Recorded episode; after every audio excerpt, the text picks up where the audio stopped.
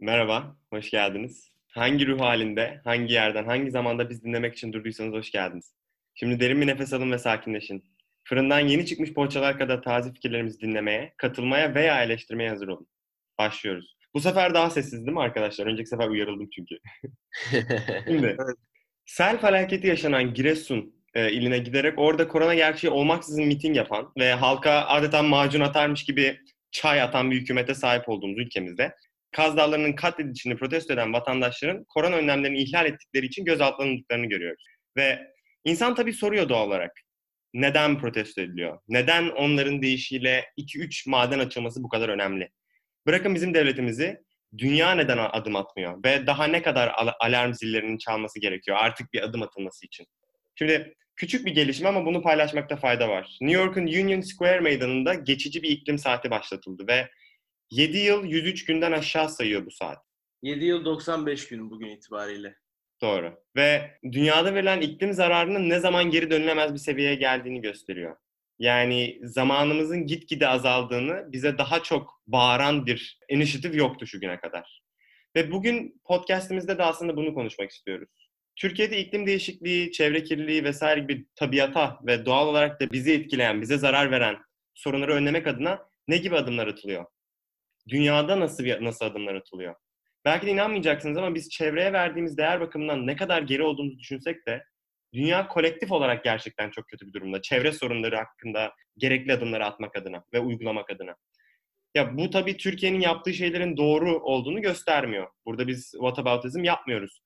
Bu durum aslında dünyada tüm devletlerin ne kadar vahim bir durumda olduklarını gösteriyor. Şimdi önceki konumuz dünya. Bunu da Kaan açıklasın. Ya evet dünya bu sene özellikle 2020 yani tabii ki de ben senelerin bir önemi olduğunu ifade etmeye çalışmıyorum. Yani yeni seneye de aynı şey olur, devam eder. Bu süreç sadece yakın zamanda başladı. Dünyada sağda solda doğa anının haykırışlarını duymaya başladık. Çok sık duymaya başladık.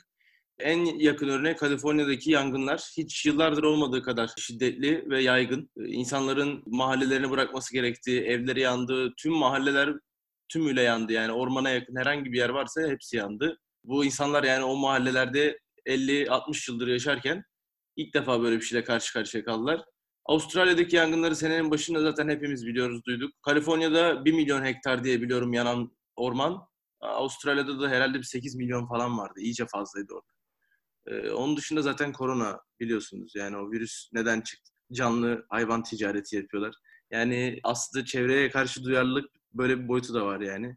Biz o doğayı yalnız bırakırsak, doğaya ne kadar az karışırsak o da bize o kadar az negatif sonuçla gelecek herhalde diye düşünüyorum. Durum böyle ve fakat maalesef hiçbir e, dünya liderimiz durumun ciddiyetini kavramış gibi değil. Özellikle de hani leader of the free world diye tabir ettiğimiz Amerikan Başbakanı maalesef hiç öyle davranmıyor bu aralar.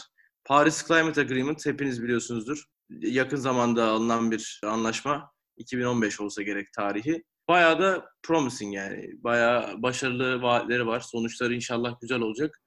Ama e, Trump'ın bundan ülkeyi çekmesi, onun yerine kömür madenciliğini teşviklemesi, hala gerici bir kafada olması, bizim de hani bizim hükümet de buna örnek olabilir. Hani yenilebilir enerjiye yapılacak yatırım yerine belki de aciz bir uğraşla verdiğimiz kaynağın çok daha azını bulmak adına doğalgaz arıyoruz, petrol arıyoruz, kömür bor arıyoruz. Bunlar aslında geçmişte kalmış şeyler. Ama liderler bunun farkına pek varamıyor. Trump'ın da öncülük etmesi gerektiği yerde işini beceremediğini düşünüyorum. Siz ne düşünüyorsunuz arkadaşlar? Ben sadece liderler değil halkların da bu durumun farkında olmadığını düşünüyorum ya da ciddiye almadığını düşünüyorum. Mesela Kaliforniya yangınları sosyal medyayı çok kullandığım için mesela özellikle TikTok'ta ya da Instagram'da San Francisco'da ve Kaliforniya'da yaşayan insanların yangından dolayı mesela gökyüzü kırmızı oluyor ya, kız oluyor ya. Hmm. E, onu çekip estetik diye böyle e, manzara gibi paylaşmaları ve böyle diğer insanların da ona onlara kalp atmaları ya da böyle ironik mi bilmiyorum ama keşke burada da olsa tarzı yorumlar atmaları bana halkların da bunu ciddiye almadığını gösterdiğini düşünüyorum. Onun dışında yani dünya hükümetleri kesinlikle ekonomik sebeplerden dolayı iklim değişikliğini e, ciddiye almıyor. Mesela Amerika'da emisyon sınırı var dizel araçların. Belli bir karbondioksit emisyonunu aşmaları yasak. Ama genel olarak zaten dizel araçlar Avrupa üretimli, Avrupa menşeli araçlar olduğu için kendi iç ticaretlerini güçlendiren bir faktör. Kendi ürettikleri Ford F-150'ler ya da diğer traklar, pick-up'lar V12 motorlarıyla, V8 motorlarıyla bütün doğanın dengelerini bozarken dışarıdan ithal edilen araçların e, böyle regülasyonları sokulmaları bence direkt ekonomik faktörler. Ya bunun bir de politik bir şeyi de var. Trump'ın oy aldığı kesim böyle kömür endüstrisinde çalışan bir kesim var. Kömür endüstrisi de gitgide küçülen bir kesim. Şimdi America First mentalitesiyle baktığı için ve job number'ları sonuçta yükseltmek istediği için böyle adımlar atması gerekiyor. Kendi en azından koltuğunu koruyabilmek için ya da desteğini sürdürebilmek için. Onun için ne kadar dünya kömürden uzaklaşmaya çalışsa da tekrar Trump'ın kömüre dönmesi politik sebeplerden ötürü anlaşılmayacak bir şey değil bence. Yanlış ama anlaşılmayacak bir şey değil. Evet. Globalization'ı inkar etmesinin bir başka sonucu. Kesinlikle. Yani şimdi zaten ilk önce Trump'a fokus olarak giriyorsak hani Trump'ın başkan olmadan önceki hayatını da kesinlikle incelemek, incelemek gerekiyor karakterini vesaire. Yani kendisinin bir medeniyetle karşılaştırılabilecek büyüklükte bir iş business grubu var, şirket grubu ve yani kendisi aslında kapitalizmin en büyük sembollerinden bir tanesi ve onun gibi çoğu insan. Bu yüzden Kamil'in dediği iş sahiplerinin yanı sıra böyle büyük kapitalist şirketler ve organizasyonların da desteklendiği biri olarak Trump'ın zaten böyle bir şey yapması çok da garip değil. Bence Trump burada sadece bir örnek fakat az önce dile getirdiğimiz dünyada neden böyle bir adım atılmıyor düşüncesine bir kanıt olarak sunulabilir. Yani kapitalist görüşün kendi çıkarları ve bu böyle güçlü ülkelerin kendi çıkarlarını nasıl ana konu, en mühim olan şeymiş gibi görmeleri. Bu yüzden de, de kendi yaşadıkları aslında gezegeni ortaya atmaları sadece yapacakları kardan dolayı görüşlerini gösteriyor. Bu da en büyük örnekten bir tanesi. Yani Trump'ın böyle bir şey okudum işte ben Washington Post'ta galiba Opinion'da gene. Trump öyle kötü bakıyor ki ortama hani hiçbir etki, aksiyon olmadığı için. Yani Çin lideri mesela e, adamın adını bilmiyorum şu an ama hani o hiç umurunda olmasa da climate azıcık bir şey bile yapsa hani verdiğim sözün en azından tutuyorum. Hani Paris Agreement'tan çekilmedin demesi bile adamı climate olarak önde gösteriyor hani. Standardı o kadar düşük koyuyor ki dünyanın, özgür dünyanın lideri denen herif. Maalesef standartının üstünde olmak çok da zor olmuyor. Çok da gıcık bir durum bence yani. Ya, adam aynı zamanda yani sistematik olarak aslında Obama'nın tüm üstüne çalıştığı doğayı koruma çalışmalarını tek tek geri çeviriyor. Yani yaptığı atamalara bakıyorsun tamam mı? Doğayı korumaktan sorumlu bakanlığın başına petrol şirketinde çalışmış bir adam getiriyor. Yani bu ne kadar mantıklı bir hareket. Hepsi de tabii ki planlı, sistematik, yapılan aynı şey, her şeyi geri çevirmek adına yapılmış bir şey. Ki Trump'ın bir de cahillik tarafı da var. Şimdi tartışılabilir. Belki de Trump ona oy veren kesmeyi alevlendirmek için öyle yorumlar yapıyor falan da denebilir de ben hakikaten adamın cahil olduğunu düşünüyorum. Hakikaten hani dediği şeylerde hakikaten ciddi konuştuğunu düşünüyorum bazı şeylerde. Ve e, iklim değişikliği global warming vesaire bu gerçekten inandığı şeylerden biri olduğunu düşünüyorum. Adam Kaliforniya'ya gittiğinde yangınlar sonrasında ziyaret etmek için gittiğinde hani e, müdahaleler nasıl gidiyor vesaire diye gittiğinde orada bir toplantı yapılıyor, bir basın toplantısı. Ve basın toplantısında Kaliforniya'nın iklimden sorumlu direktörü orada birlikte çalışırsak böyle şeylerin olmasını engelleyebiliriz vesaire diye Trump'la konuşuyor kameralar önünde. Trump da diyor ki göreceksiniz birkaç gün havalar soğuyacak diyor. Neden? Çünkü e, Eylül ayı, kış geliyor. Havalar soğuyacak merak etmeyin diyor. Şimdi reddediyor adam iklim değişikliğinin varlığını. Ben de düşünüyorum ki ya acaba adam iklimle mevsim arasındaki farkı gerçekten biliyor mu? Ya bilmeyen, bilmiyorsa ve aramızda da bilmeyenler varsa bunu açıklamakta tabii fayda var. Ya Google'a yazıp bulmak kadar kolay bir şey ki ben şimdi Google'da yazanı okuyacağım size. Direkt sözlükten alınmış şekilde mevsimin ne olduğunu ve iklimin ne olduğunu söyleyeceğim. Şimdi mevsim yılın güneşten ısı ışık alma süresi ve dolayısıyla iklim koşulları yönünden farklılık gösteren yaklaşık üçer ay olarak kabul edilen ilkbahar, yaz, sonbahar ve kış olarak adlandırılan dört bölümünden her biri. Bu mevsim. İklim ne demek? İklim hava yuvarı olaylarının yeryüzünün herhangi bir yerinde ortaklaşa olarak gerçekleştirdikleri etkilerin uzun yılların ortalamasına dayanan durumu. Şimdi mevsimler tabii ki değişir 3 ayda bir. Ama iklimin değişmesi sıkıntı burada. İklimin ısınması. İnsanların sıkıntısı hava soğuyunca zannediyorlar ki aa iklim hani şey global warming yalan. E işte ne kadar güzel serin kar yağdı. O ısınmamışız ya, ki hala soğuk. Kaan ee, şaka olarak bilecek, duyacaksın belki öyle anlayacaksın ama hani gerçekten Amerikan senatosunda tamam mı tartışmaya adam global warming'in olmadığını göstermek için kar topuyla geldi. Evet hatırlıyorum bunu. Senatoya girdi herif. Yani evet. böyle reddeden ya da anlamayan ya da ne bileyim çok basic şeyleri anlamayı reddeden Evet, evet. insanlar var dünyayı yöneten. Evet. Yearly average temperature diye bir format ya. Şu üç kelimeyi yan yana koyuyorlar da adamlar anlamaz yani. Yearly average temperature. What falan hani. Ki biz coğrafya Maalesef dersinde ilk öğrendiğimiz şey iklimle mevsimin farkı nedir? Neden interchangeably kullanmamamız gerekir vesaire. Bunları öğrendik biz coğrafya dersinde. coğrafya Bu adamlar dersinde. neyi kaçırmış acaba derslerde? Çok ilginç yani. Berker bir şey mi diyordun abi? Ha, Amerika'da coğrafya dersi yok diye biliyorum dedim. Abi direkt- ya okulları Anlaşılabilir aslında yani. Amerika'nın eğitim sistemine girersek çıkamayız. Çok Evet, felaket. doğru. Ben dün SAT'ye girdim. SAT'de bundan bahsediyordu. Coğrafyanın Amerika'nın eğitimin ne kadar zayıf olduğu ve insanların nasıl yanlış bilgileri kendi hayatlarında ve böyle konularda sonuçlara bağlanmak için kullandıklarını söylüyordu. Bu da aslında bir önceki bölümümüzde cahillik ve misinformasyona bir gönderme olsun, motif.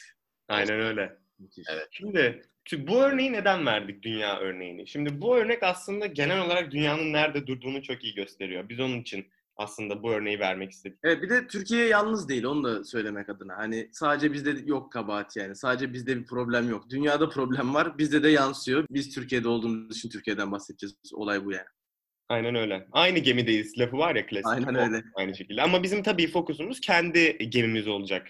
Evet, kendi filonun içindeki kendi gemimiz olacak. O da Türkiye tabii ki. Turkey first. Şimdi Evet. ilk ne konuşuyoruz arkadaşlar? Kanal. Kanal İstanbul. Kanal. Çok tartışmalı. Çok tartışmalı. E ben bir gireyim bari o zaman. Protestolar yapılıyor yakın zamanda. Duymuşsunuzdur zaten haberlerde. Ne zamandan başladı bu iş? Mayıs'tan beri hani protestolar devam ediyor. Önce Küçükçekmece tarafında bir protesto yaptılar. Hani o çünkü Marmara'ya açılan ağzı ya. Hani oradaki köyler talan olacak. Bir de bu arada bu Kanal İstanbul'un proposed geçeceği yolun hepsinde hani tarım arazileri var falan. Bunların hepsi imara açıldı falan. Bunları zaten geçiyorum. Onlar konumuz değil ama doğal olmayan bir şekilde Karadeniz'de Marmara'nın suyu kontrol dışında karışıp duracak yani. Bu zaten sıkıntı. Küçükçekmece'deki protestolara çok da bir yasak o zaman herhalde çıkarılmadı ya da çıkarıldıysa çok basına yayılmadı ya da ilk olduğu için bir şey yapamadılar. Şimdi ondan sonra Karadeniz'e açılan tarafında yürüyüş yapacaklardı çevreciler. Ve protestoya engel valilikten geldi. İstanbul Valiliği. Gerekçesini size okuyorum. Pandemi, milli güvenlik, kamu düzenini bozma, genel ahlak, hak ve özgürlüklerden halkı men etme sebepleri. Hak ve özgürlüklerden halkı men etme sebebiyle protesto yürüyüşü durdurulmuş. Pandemi lütfen sebebiyle durdurulmuş. İstanbul en önemli hakkımız kan yani. Doğrusu pardon. Tabii ki en büyük hakkımız yani. Hakkımızı şimdi böyle Hakkı şeyler protesto ederek lütfen. Evet, Doğru. doğru. Pardon. Yani e, pandemi hele çok saçma yani açık havada yürüyorlar. Bir de Şişli Kadıköy'de bu oluyor bu arada. Polis Şişli'de Kadıköy'de bunları yakalıyor. O köylere yürüyecekler adamlar. Yürümeden yakalanıyorlar ve bu böyle bir yasak. Bir de nedense hani böyle biçilmiş kaftan. Hani çünkü adamların koro olarak şarkı söyleme, şarkıyla destekleme bir de resim sergisi e, yapma o köyde niyeti varmış. Nedense valinin genel açıklamasında müzik gösterileri ve resim sergilerine de yasak var. Yani böyle biçilmiş kaftan bir yasak söz konusu. Bir de pandemi mevzusu da çok komik yani bundan bahsederiz zaten. Açık havadalar bu adamlar. 1500 kişilik düğün yapıyor e, Sakarya valisi. Hiç sıkıntı çıkmıyor. 1500 kişiyi nasıl oradan çıkarabilirdim diyor kaymakam. Hani sen çıkaramıyorsan ben mi çıkaracağım diyorum ben de yani. Hal bu. Beyler ne düşünüyorsunuz?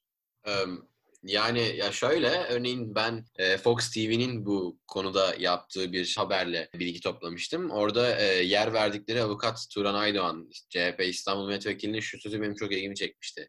E, Kendisi diyor ki Ayasofya'da 350 bin kişiyi toplamak, Giresun'da on binlerce kişi toplamak pandemi kurallarına aykırılık teşkil etmiyor mu diye bir soru yöneltiyor. Bence bu politik görüş hani fark etmez sizin bir bireyin, düşünen bir bireyin sorabileceği bir soru. Çünkü ben açıkçası burada hükümetin hangi görüşte olduğu, hangi politika düşüncesine sahip olduğunun bir önem olduğunu düşünmüyorum. Yani konu bununla hiçbir alakası yok. Tam tersine bu çok normal ve etik bir düşünce. Hani mantık olarak böyle bir şeyin bu iki farklı şeyin, ters olayların geçen bölümümüzde de konuştuğumuz double standartlar konusuna da atıf yaparak bir ters olduğunu düşünüyorum. Yani yönetimin böyle bir örnek olması bence halkına ters. Bundan sonra Ali Şeker yine CHP İstanbul Milletvekili'nin söylediği koronayı otoriterleştirmeyin, otoriterleşmenin aracı olarak kullanıyorlar düşüncesi beni çok düşündürdü. Bunu da size söyle sormak istedim bu cümleyi kurarak. Siz ne düşünüyorsunuz? Bu biraz daha politik yönüne sarkmış olacak bizim. Tekrar sorabilir misin? Ben kaçırdım da. Ali Şeker, CHP İstanbul Milletvekili diyor ki koronayı oto- otoriterleşmenin aracı olarak kullanıyorlar. Aa, bak, bugün bir şey okumuştum. Söyleyeyim mi? Şey, Sağlık Bakanlığı insanlara çipli bileklik takmayı düşünüyormuş. Hatta yani iki tane plan varmış. Her türlü ikisinden birisi uygulanacakmış. Ya bu çipli bileklikler e, pozitif olan insanlara takılacakmış. Evden çıktığında merkeze şey gönderilecekmiş. Bildirim. Ya da evde bir tane kasa gibi bir şey olacakmış pozitif olan insanlarda. O kasadan uzaklaştığında ya da kasa hareket ettirildiğinde yine Sağlık Bakanlığı'na bildirim gidecekmiş. Ya açıkçası yani daha ne yapabilirler? Anlatabildim mi? Yani daha ne yapabilirler? Koronalı adam eczaneye gidiyor, koronalı adam markete gidiyor. Ne yapsınlar adamlar yani? Evet, Ben evet. desteklerim böyle bir şey olsa. Onun da otoriterlikle alakası çok yok bence. Artık Hayır ama peki ediyor, bu korona süreci bittikten sonra ya da eğer biterse hala devam etmeye de- devam ederse ne diyebilirsin ki? Tabii ki de devam etmez. Yani 99 Devam depreminde edemez. Bak 99 depreminde deprem e, şeyi vergisi alınmaya başlandı. Hala devam ediyor. tamam. Ee, İstanbul'da daha iki gün önce bir deprem oldu Berker. Yani ne zaman geleceğinin habercisi yok. Gelirse ve bir yerler yıkılırsa hangi fondan şey yapacaklar? Ki muhtemelen o deprem fonunu da yemişlerdir. Evet o deprem fonu zaten yemişler. Ama- O bizim o bizim şeyimiz değil, konumuz değil. Ben sadece şunu diyorum. Yapılması gereken şey korona için komple karantina ilan etmek. Karantina ilan edemediklerini de hepimiz biliyoruz. Sebepleri de malum, ekonomik sebepleri olduğu belli. evet. Yani yapabilecekleri en şey, tamam bir ihlal midir? İnsan hakkının bir tür. Ve ihlalidir. Ama bu durumda adamların yapabilecekleri bir şey var mı? Bence yok. Onun için o otoriterlikle alakalı değil ama elleri kolları bağlı daha ne yapabilirlerin bir sonucu bence. E, ama korona doğru şey olarak kullanılıyor mu? Bence de kullanılıyor. Ve Ali Şeker'den bahsettin CHP milletvekili. Onun dediği başka bir şey var beni de daha çok etkileyen. Diyor ki balıkların dili yok, ağaçların dili yok, doğanın dili yok. Bizim de dilimiz olmasın, lal olalım istiyorlar diyor.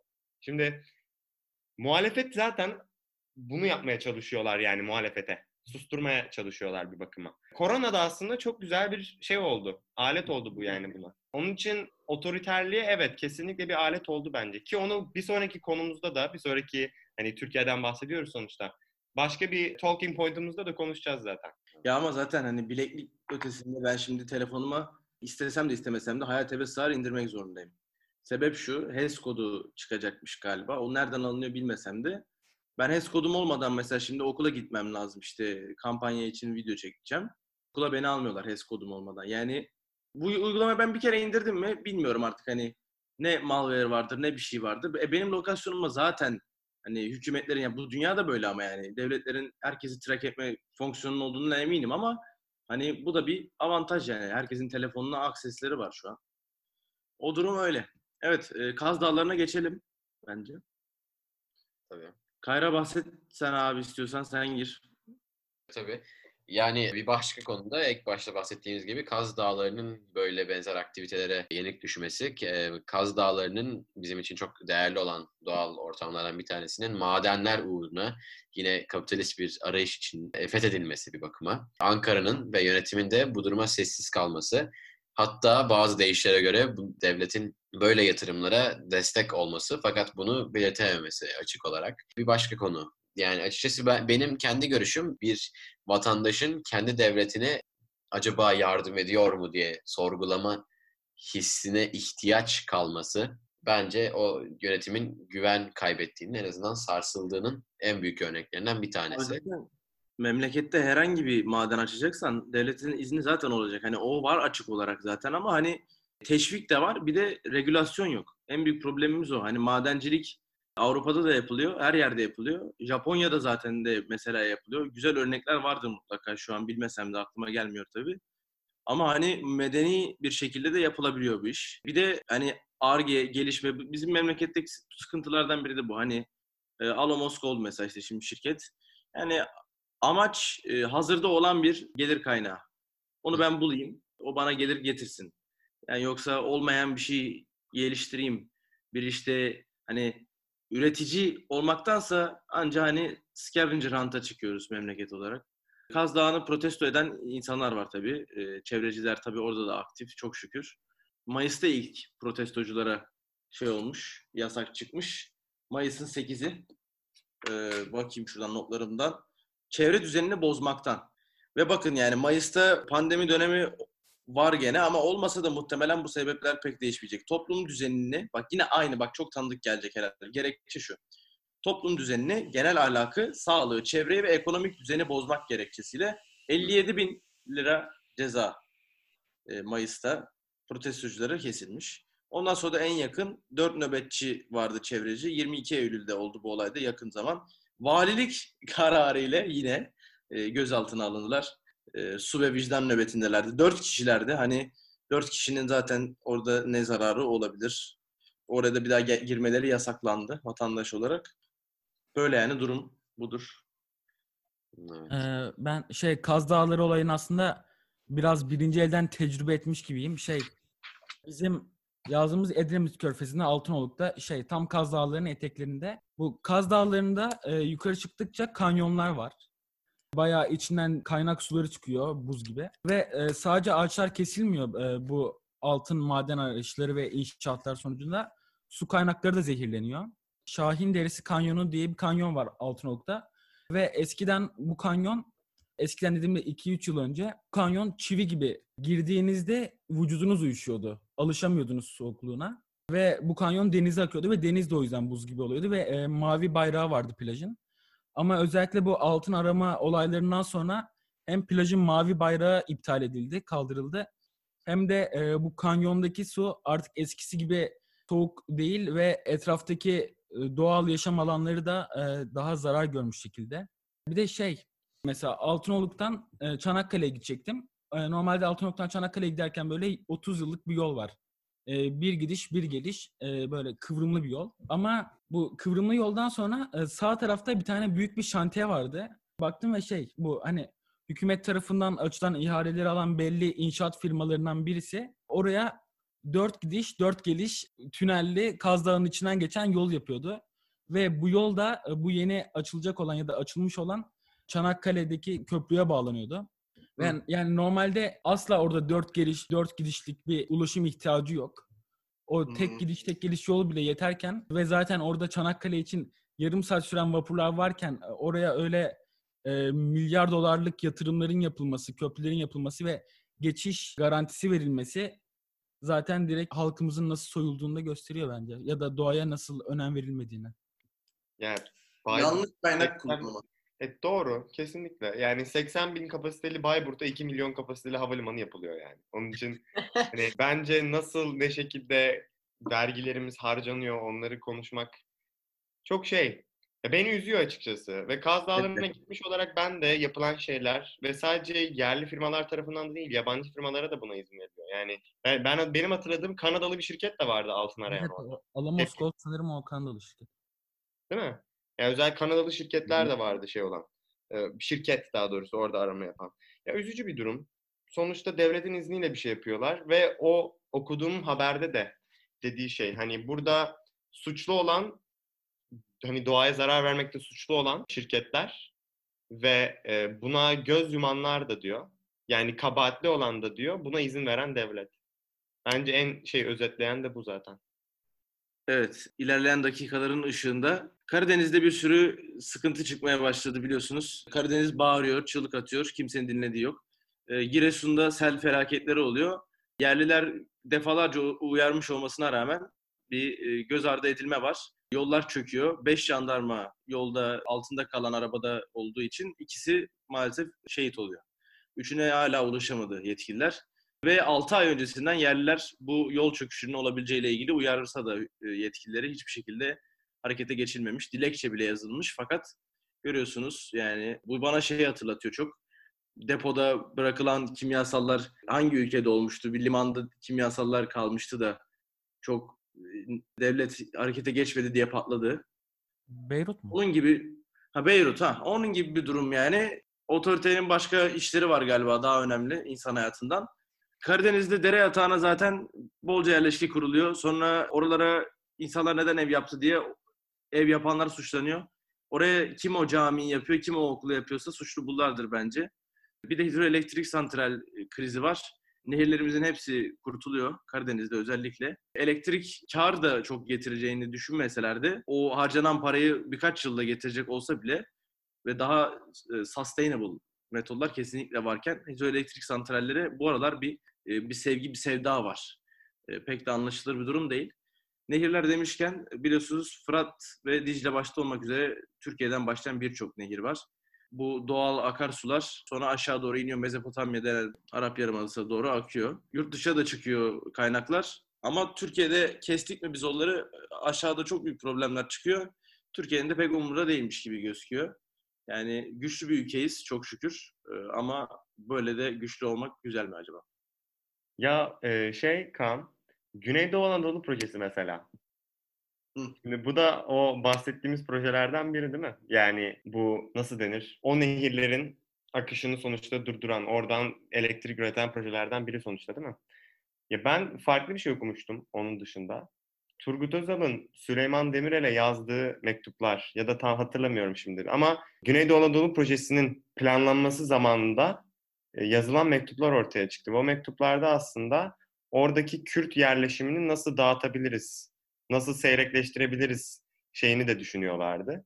Ve ona göre de hani Güneydoğu Anadolu projesi aslında böyle stratejik olarak yerleştirilmiş bir şey. Çünkü oradaki Kürt yerleşimini seyrekleştirmeye odaklanmış bir şey. Böylece hani Kürt kimliğini biraz daha nedir ne bileyim Türklüğe doğru geçirmek için yapılmış bir şeydi. Onun için bunu düşünen adamlar, spesifik olarak bunun stratejisini stratejisini yapmış adamların diğer ülkeleri düşündüklerini zaten düşünmüyor. Doğru bir şey değil. Kesinlikle doğru bir şey değil. Ama şimdi tabii ki kendi ülkende bulunuyor. Diğer ülkeleri düşünür müsün ya da şey yapar mısın? Biraz o da tartışılır yani. Çünkü başka bir devletin ya da başka bir şeyin de bunun hakkında bir otoriteye sahip olması da mümkün değil. Onun için nasıl engellenebilir o çok tartışılamayacak bir konu bence. Evet değişik bir durum ama yani e, aşağı doğru işte ülkelerde su sıkıntısı çeken çok ülke var. Hani bizim doğumuzda biliyorsunuz. Evet. Kaynaklar da bizden çıkıyor. Yani zaten çöl gibi e, çoğu coğrafya. Nehir kenarında yerleşim yerleri var. Tarım anca oradan sağlanıyor.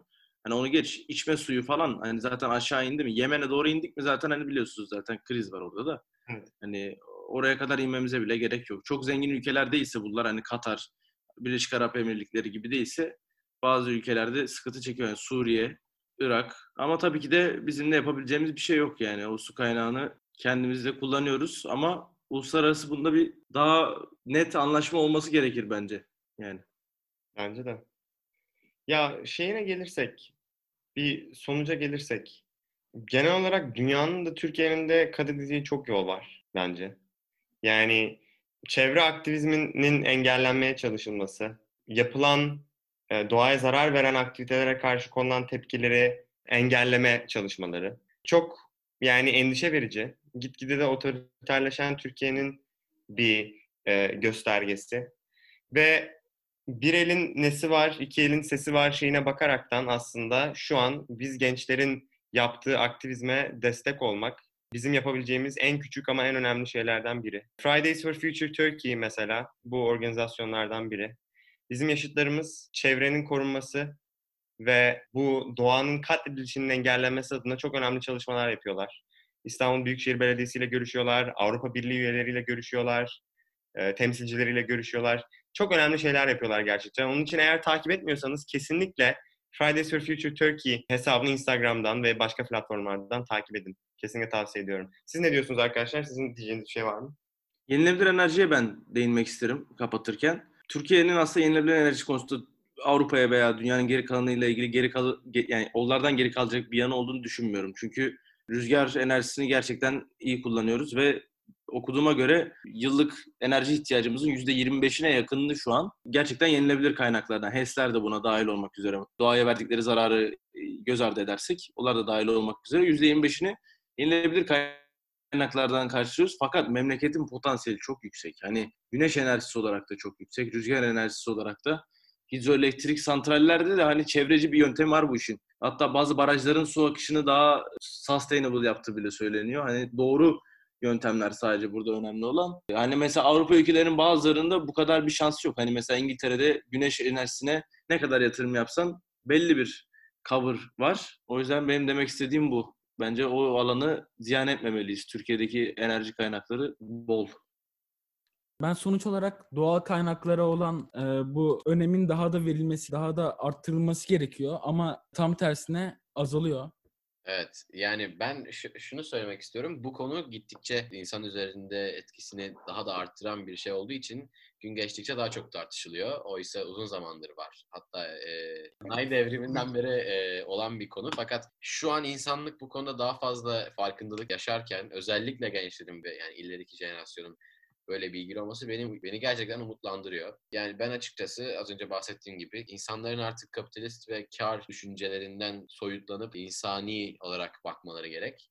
Ben bu seferki podcast'imizi humanist bir düşünceyle ele alınmış bir cümleyle bitirmek istiyorum. Milli kinlerin üstünde insanlık muhabbeti vardır. Kendinize iyi bakın. Afiyet olsun.